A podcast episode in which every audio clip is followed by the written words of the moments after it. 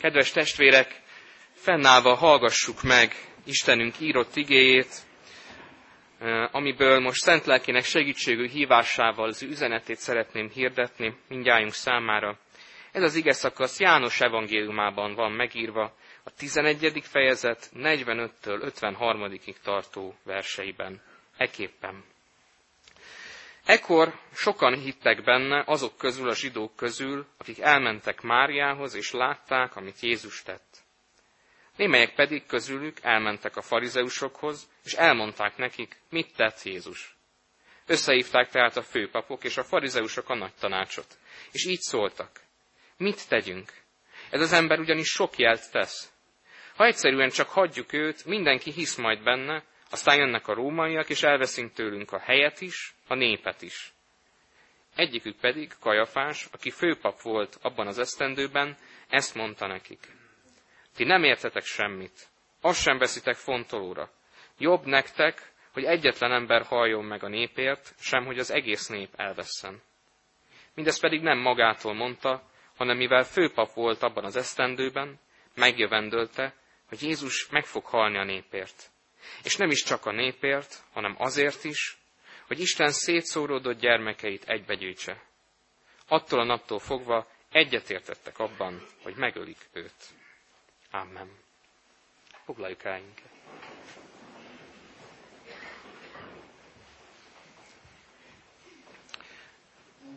A virágvasárnap előtti úrnapját úgy is szokták nevezni régen, hogy Judika vasárnap.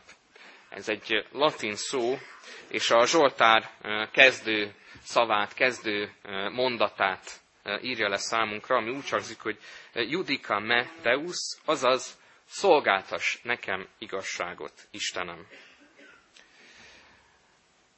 Valóban, hogyha belegondolunk ebbe az igébe, ebbe a 43. Zsoltárba, amit így az egyházi év mindig kiszokott rendelni erre a vasárnapra, akkor láthatjuk, hogy Isten ebben a történetben is igazságot szolgáltat az ő népének. Az egész nagyheti esemény sorozat ezt a csodálatos kegyelmet mutatja be, habár nem egészen úgy szolgáltat igazságot, ahogyan akkor Jézus korában gondolták az emberek.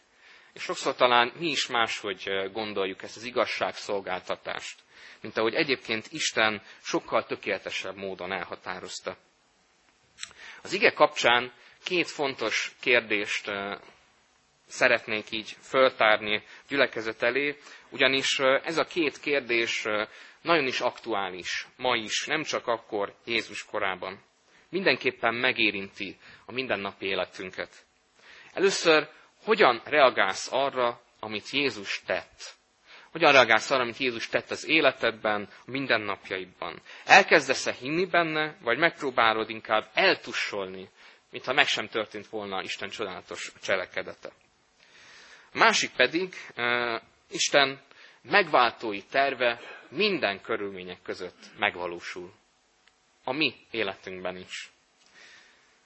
Először tehát az a kérdés merül föl az igéből, hogyan reagálsz arra, amit Jézus tett. Ha egy kicsit belehelyezkedünk az evangéliumi történet eseményeibe, azt is gondolhatjuk akár, hogy itt a farizeusok végső soron egy jogos kérdést tesznek föl. Valóban jogos lehet ez a kérdés, mit tegyünk, ez az ember ugyanis sok jelt tesz. Ez egy fundamentális, alapvető kérdés. Mit tegyünk? Látjuk, Jézus sok jelt tesz. És ez nem csak Jézus korában volt aktuális, hanem ma is az.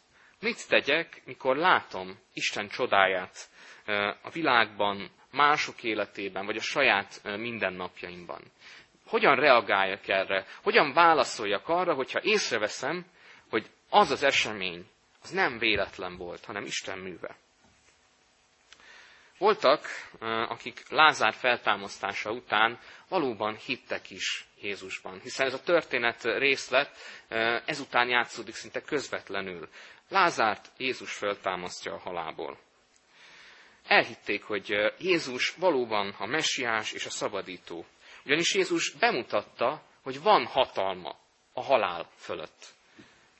legnagyobb megváltói tettét vetíti előre tulajdonképpen ezzel a csodával. János evangéliumában egyébként egyre inkább kiderül az, hogy Jézusnak milyen hatalma van. Ugye a kánai mennyegzővel kezdődik, és Lázár feltámasztásával igazából nem befejeződik, csak akkor csúcsosodik ki ez a földi szolgálat. És valóban a legteljesebb és legtökéletesebb csodája, kegyelmi csodája Jézusnak az, hogy ő maga támad föl a halálból. Ezt még sokan nem értették akkor, de pünkösd után tanítványok is megvilágosodhattak ennek a ténynek az igazi üzenetéről, hogy mit is jelent ez az ő életükre nézve. A Szentlélek ezt megmagyarázta nekik. De nem csak akkor, hanem még előtte is találkozunk azzal a kérdéssel, hogy hogyan reagáljunk ezekre a csodákra. A tanítványok elhívásakor ugyanis ott van ez a hatalmas talány. Nátánál Fülöptől hallja először azt, hogy ők megtalálták a messiást.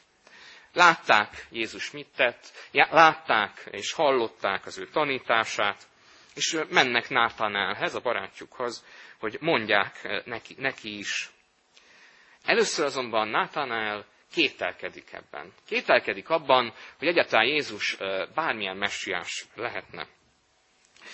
De mikor Jézus ezt mondja neki, hogy mielőtt Fülöp idehívott téged, láttam, hogy a fügefe alatt voltál, egészen átértékelődik az addig gondolkodása. Ebből az egyetlen egy mondatból fölismeri azt, hogy Jézus a messiás. Lehet kérdésünk, hogy hát hogyan ismeri föl.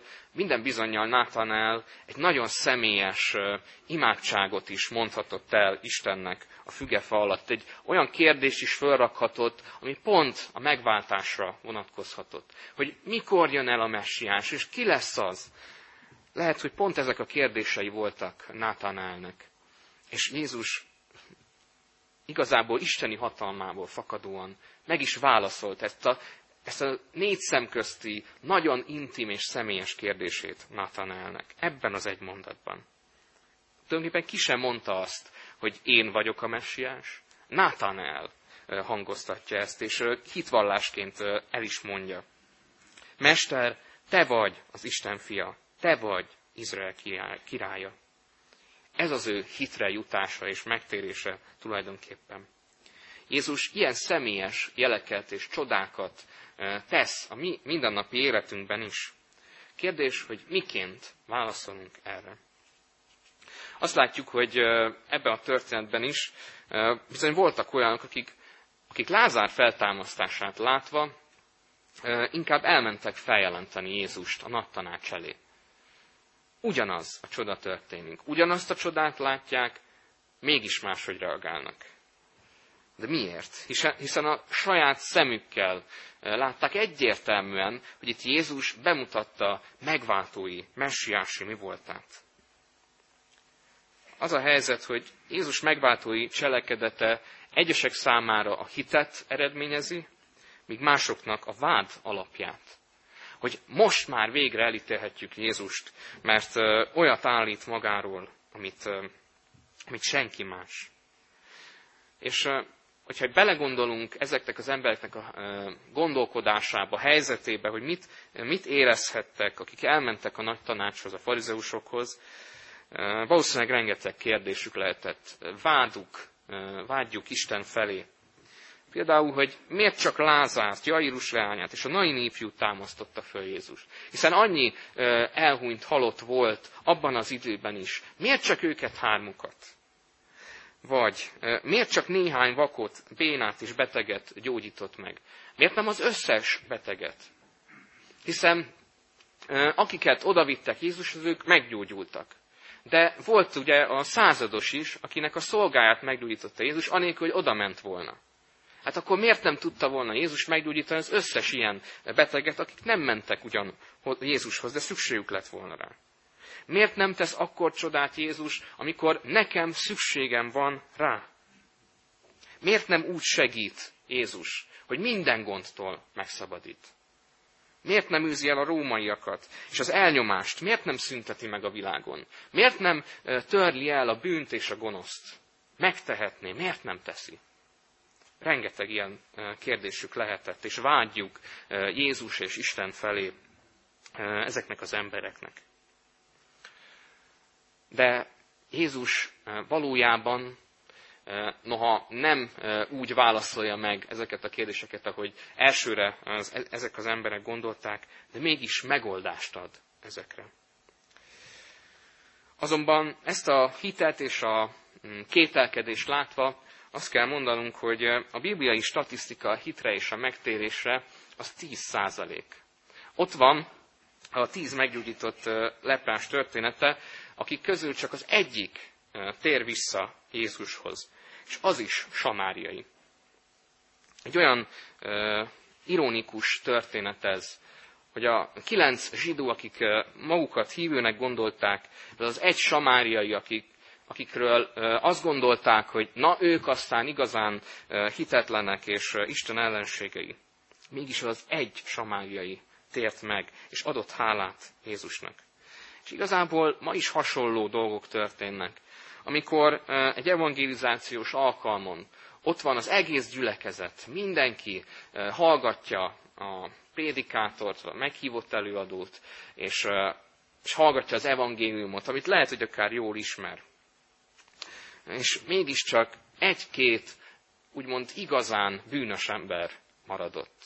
Ott marad egy részeges, egy házasságtörő, egy olyan ember, akinek az élete romokban hever, a bűnösök ott maradnak, és ők azok, akik beszélgetnek a bűneikről elkészsel, és a megtérésükről, hogy hogyan lehet ez. Talán a többieknek, annak az egész gyülekezetnek nincsen szüksége bűnbocsánatra. Nagyon fontos azt látnunk, hogy, hogy Jézus mindenkit hív így, ugyanerre a bűnbocsánatra, ugyanerre a megtérésre. De miért van az, hogy sokan elutasítják ezt? Miért van az, hogy pont az ellenkezője képpen reagálnak a csodákra, a jelekre, mint ahogyan azt gondolnánk, és hát egyértelmű lenne, hogyha ilyet tapasztalunk. Azt látjuk, hogy a farizeusokban félelem volt. Azért nem hittek Jézusban. Sok más oka is lehetett, de én egy kicsit úgy érzem, hogy a félelem derül ki az ő válaszukból. Féltek a tekintélyük elvesztésétől. Féltek attól, hogy a templom nem marad az övék, mint hogyha bármikor is az övék lett volna a templom. Féltek a rómaiaktól is, hogy Jézus majd egyfajta ilyen politikai messiásként föllázítja az egész országot, az egész népet, és majd megtorlás lesz a vége. Rengeteg félelmük lehetett.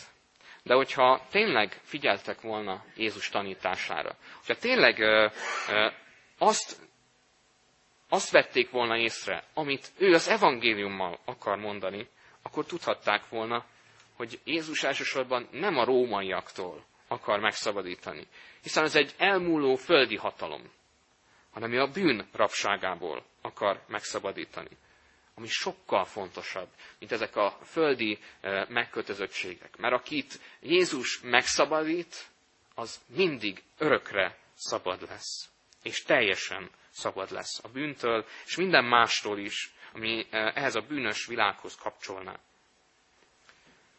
És milyen érdekes, hogy ezek a rettegő farizeusok, akik itt Jézus ezért ítélik el, ők mégis, amikor ott lesz a, az új római és zsidó háború, ott mégis kiállnak a felkelés élére. Ott már nem félnek. És mi a következménye? A templomot Krisztus után 70-ben lerombolják, és még utána pont a farizeusok és a főpapok lesznek azok, akik kikiáltanak messiásként egy Simon Barkokba nevű szabadságharcost, akinek a felkelését csúfosan leveri a római birodalom, és 135-ben Jeruzsálemből ki is üzi a zsidókat. Valahol látjuk azt, hogy amikor ez az emberi bátorságban, inkább vakmerőség, akkor pont, hogy az ellenkezője történik. Ma is sokszor félnek az emberek attól, hogy higgyenek Jézusban. Mert amikor elköteleződünk Jézus mellett, amikor megtérünk, és, és ő lesz az életünk királya és ura, akkor bizony fel kell adni az addigi emberi gondolkodásunkat, az addigi bűnös gondolatainkat. El kell hagyni a kísértéseket és a korábbi dédelgetett bűneinket. Sokan félnek másoktól, hogy majd szentfazéknak, vagy, vagy kegyes moralistának tartják őket, hogyha elfogadják Jézust, és azt szerint próbálnak élni. Vannak, akik a munkájukat féltik, hogy majd, hogyha én kiállok a Jézustól kapott igazság mellett, például egy olyan papírt rak elém a főnököm, amit hitem szerint nem szabadna aláírni, mert Isten törvényével ellenkezik. Akkor ott van ez a félem, hogy hát de mit fog szólni a főnököm? Ki fog talán rúgni, hogy nem írom alá? Rengeteg félelmenk lehet nekünk is. Pedig valójában Jézus a félelmeinktől is megszabadít. Ugyanis ezt olvassuk az igében. Mert nem a félelem lelkét adta nekünk Isten, hanem az erő, a szeretet és a józanság lelkét.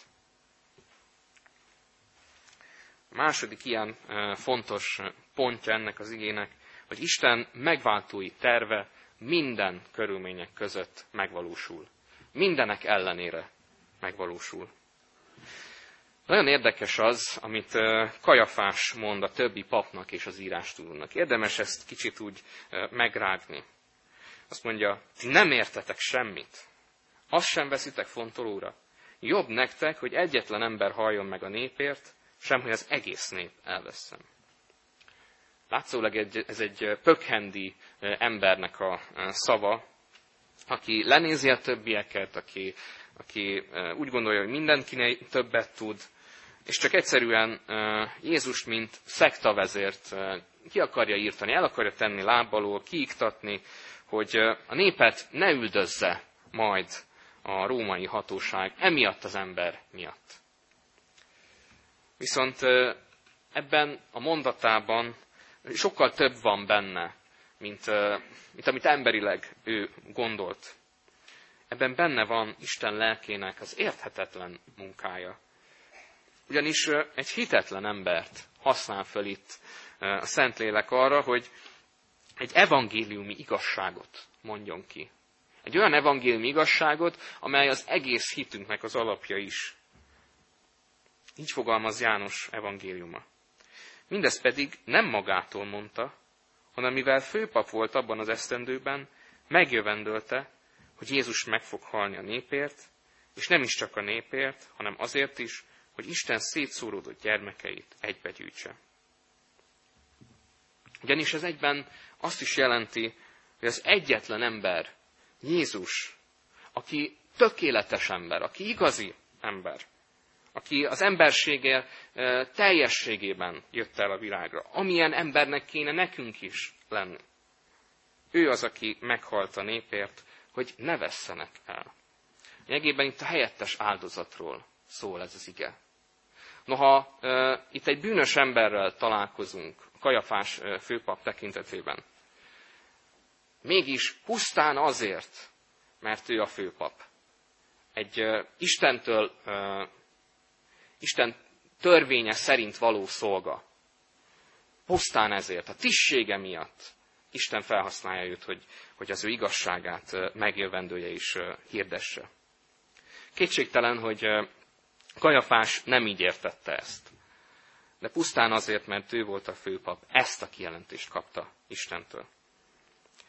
Tulajdonképpen saját tudtán kívül uh, Isten eszköze volt. És ugyanez a uh, helyzet uh, Bálám próféta idejében is megvolt. Ugye, hogyha emlékszünk erre a történetre, Bálám meg akarta átkozni Izraelt a Moábi király Bálák parancsára. De Isten ezt nem engedte meg neki. Megmondta, hogy csak azt mondhatod, amit én megengedek. Csak áldást mondhatott ugye Bálám próféta. És nem csak áldást, hanem még a messiás eljövetelét is megjövendölte. Azt mondja, látom őt, de nem most. Szemlélem, bár nincs közel. csillag jön fel Jákobból, jogar támad Izraelből. Ez Jézusra vonatkozó profécia, még a pusztai vándorlás idejéből. Isten még az ellene törekedő hitetlen embert is arra használja föl, hogy az evangéliumot megmutassa. Mert lehet, hogy most úgy tűnik, hogy ezek a farizeusok, ezek a lehető legrosszabbat akarják, és majd megakadályozzák Isten tervét ebben a történetben. De mégis Isten ezt a gonosz gondolkodást is felhasználja arra, hogy, hogy jóra fordítsa, sőt, mi több a legjobbra fordítsa a dolgok menetét. József történetében is elhangzik ez, ezt mondja ugye József a testvéreinek. Ti rosszat terveztetek ellenem, de Isten terve jóra fordította azt, hogy úgy cselekedjék, ahogyan az ma van, és sok nép életét megtartsa. Nagyon érdekes, hogy maga József személye így előre mutat a messiásra, Jézus Krisztusra, hogy na itt József kicsiben, de hasonlót tesz, mint Jézus a tökéletességben és örökkévalóságban. Ugyanis Jézus csak ugyan meghalt a népért a kereszten. Csak ugyan ez az ember halt meg a népért. De nem a nagy tanács döntéséből és akaratából, hanem Isten akaratából. És ő engedelmeskedett Isten akaratának. Az eredeti szövegben ráadásul két fogalom is van a népre. Mind a kettő egy kicsit mást jelent. Az egyik az etnos, a görög szó, ami a nép, Izrael népe. Erre vonatkozik. A másik a laos szó, ami inkább a pogány népekre, vagy más népekre vonatkozik. De nagyon érdekes, hogy itt János úgy magyarázza el nekünk ezt, hogy lényegében itt Isten egész népért, a hívőkért való haláláról van szó, akik szétszórva élnek az egész világban. Nem csak zsidók, hanem görögök is, és minden népből valók, akik elfogadják Jézust. Tehát Jézus Izraelért és a pogány népekért is meghalt. És így miértünk is meghalt. És az is nagyon érdekes, hogy Jézus a kereszt halála által mind a zsidókat, mind a pogány népeket egyé tette. Az egyház népévé lehetünk így együtt. A virágvasárnapra készülve ez az ige segíthet minket abban, hogy megértsük Jézus megváltói művét. Hogy még a nagy emberi áskálódás ellenére is Isten akarata véghez viszi ezt a mi életünkben. És lehet akár az is, hogy úgy érzed, hogy egy csomó rossz dolog történt veled. Hogy egy csomó ellenségeskedést tapasztaltál. Lehet, hogy sokan támadtak rád a munkahelyen, vagy akár még a családban is a hited miatt. Esetleg sok igazságtalanságot láttál. De Isten minden emberi akadályozás és próbálkozás ellenére véghez viszi megváltói munkáját az életedben nem földi vagy emberi módon, nem úgy, ahogyan mi gondoljuk sokszor, nem olyan behatárolt és bekorlátolt módon, hanem mennyei és lelki módon, sokkal tökéletesebben, sokkal teljesebben. Az egész életünkre és az örök életünkre nézve is. És ezt teszi azért, hogy minden népre és emberre, akik elfogadják ezt a megváltói művet, érvényes Krisztus helyettes áldozata. Így legyen. Amen. És egy percnyi csendben vigyük Isten elé így személyes imádságunkat, mint Natanál.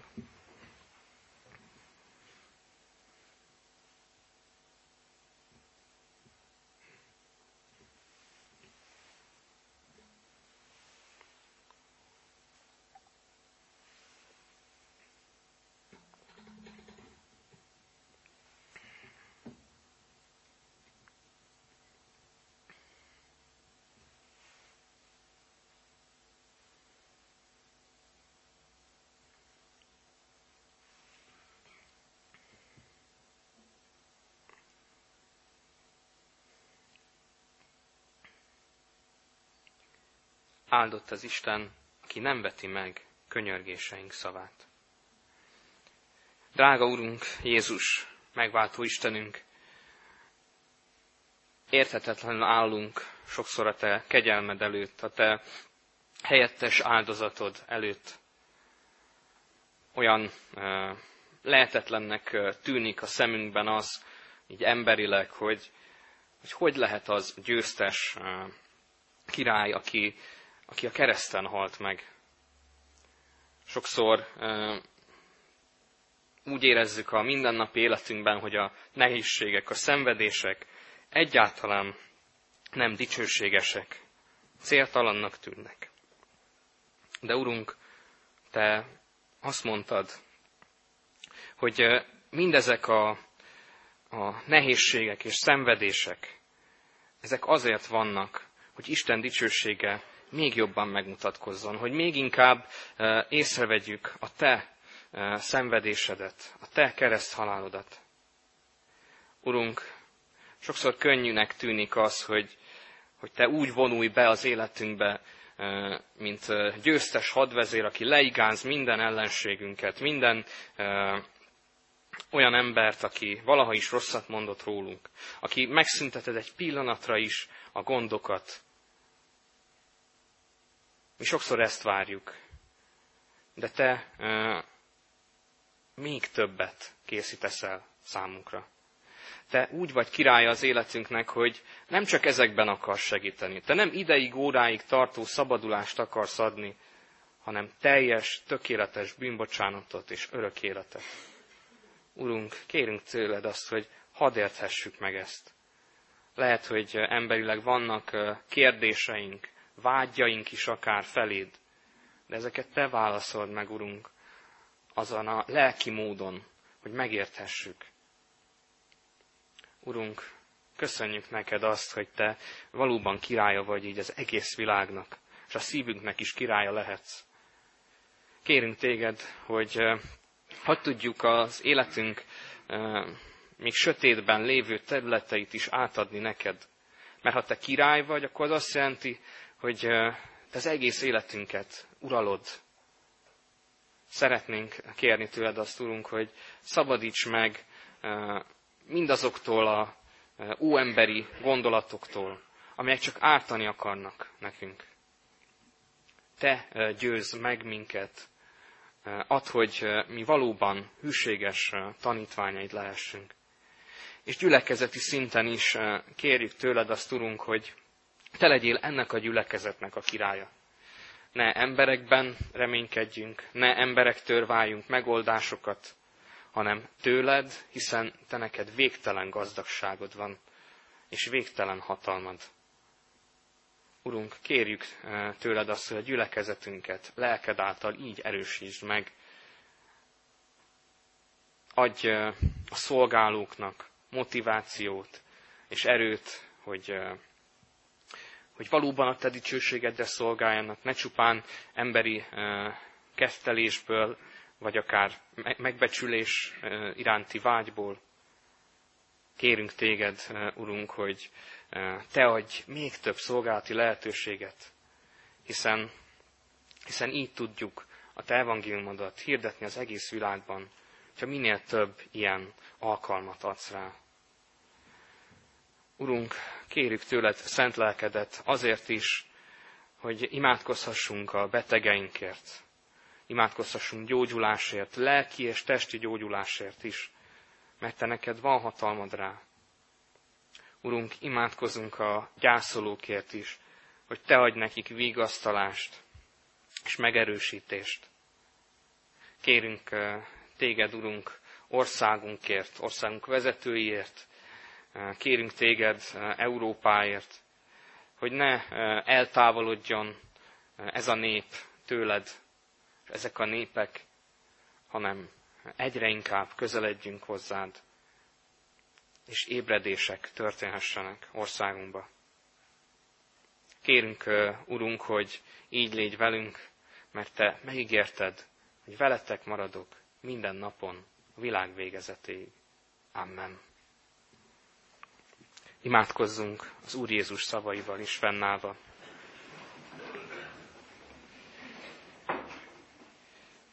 Mi, atyánk, aki a mennyekben vagy, szenteltessék meg te neved.